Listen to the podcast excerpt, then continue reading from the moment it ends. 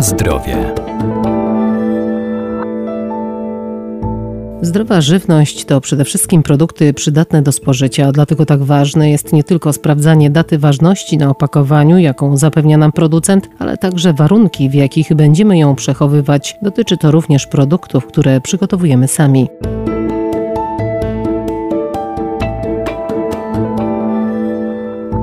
Nawet najdroższa i najlepsza jakościowo żywność nie będzie trwała, jeżeli nie zapewnimy jej właściwych warunków przechowywania. To m.in. odpowiednie opakowania przeznaczone do przechowywania produktów spożywczych, jak i zalecana przez producenta temperatura oraz miejsce. Warunki i czas przechowywania żywności są określane przez producenta na podstawie tzw. Tak badań przechowalniczych. Doktor inżynier Agnieszka Latoch, Wydział Nauk o Żywności i Biotechnologii Uniwersytetu Przyrodniczego w Lublinie. Polegają one na okresowej ocenie organoleptycznej, a także fizykochemicznej i mikrobiologicznej jakości produktu przechowywanego w określonych warunkach przez określony czas. Po przeprowadzeniu takiej oceny producent na produktach żywnościowych podaje datę minimalnej trwałości, e, czyli najlepiej spożyć przed lub też termin przydatności do spożycia w przypadku żywności, która się szybko psuje. Producent musi podać również warunki przechowywania, jeżeli one mają wpływ na jakość i bezpieczeństwo żywności.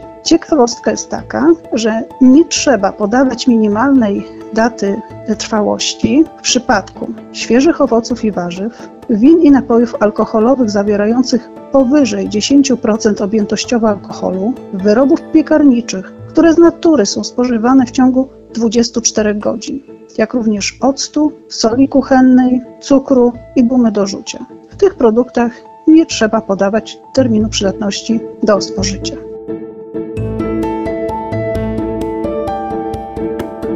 Na zdrowie.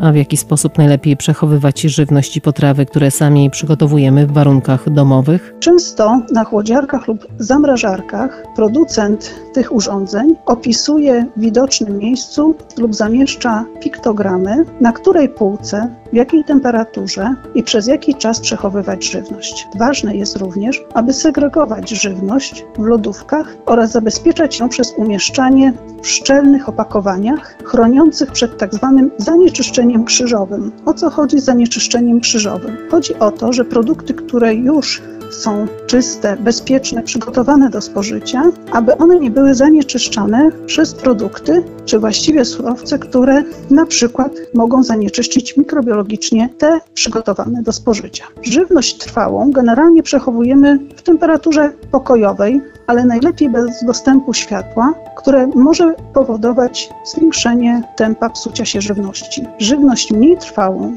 taką jak nabiał, wędliny i mięso, przechowujemy w oryginalnych opakowaniach lub w szczelnie zamkniętych pojemnikach w warunkach chłodniczych. To jest w temperaturze od 0 do 7 stopni Celsjusza, przy czym najlepszą taką temperaturą jest temperatura 4 stopni Celsjusza. Żywność, którą wyprodukujemy w domu, wytworzymy w domu na przykład różnego rodzaju potrawy, której nie chcemy w tym momencie spożywać, możemy przechowywać w warunkach zamrażalniczych. Temperatura tych warunków to jest minus 18 stopni Celsjusza. Najlepiej, żeby tą żywność zapakować w woreczki lub pojemniki i koniecznie oznakować. Czyli kiedy żeśmy zamrozili tą żywność i tak naprawdę co żeśmy zamrozili, bo często po zamrożeniu nie bardzo widzimy na przykład, jaki produkt znajduje się w woreczku czy w opakowaniu. Pamiętajmy, że mimo iż zamrażanie jest najlepszą formą przedłużania trwałości, to w czasie tego procesu zachodzą niekorzystne zmiany, jak na przykład sublimacja wody. Sublimacja wody powoduje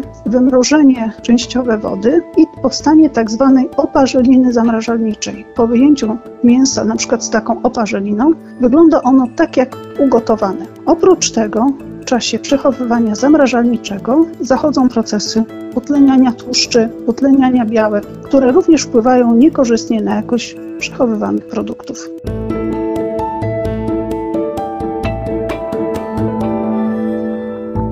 Przed zapakowaniem produktów do pojemnika należy dokładnie zapoznać się z symbolami, jakie się na nim znajdują. Symbol kieliszka i widelca informuje nas o tym, że tworzywo, z którego naczynie zostało wyprodukowane, jest przeznaczone do kontaktu z żywnością, a to oznacza, że nie zmieni jej właściwości, np. smaku czy zapachu i będzie bezpieczna dla naszego zdrowia.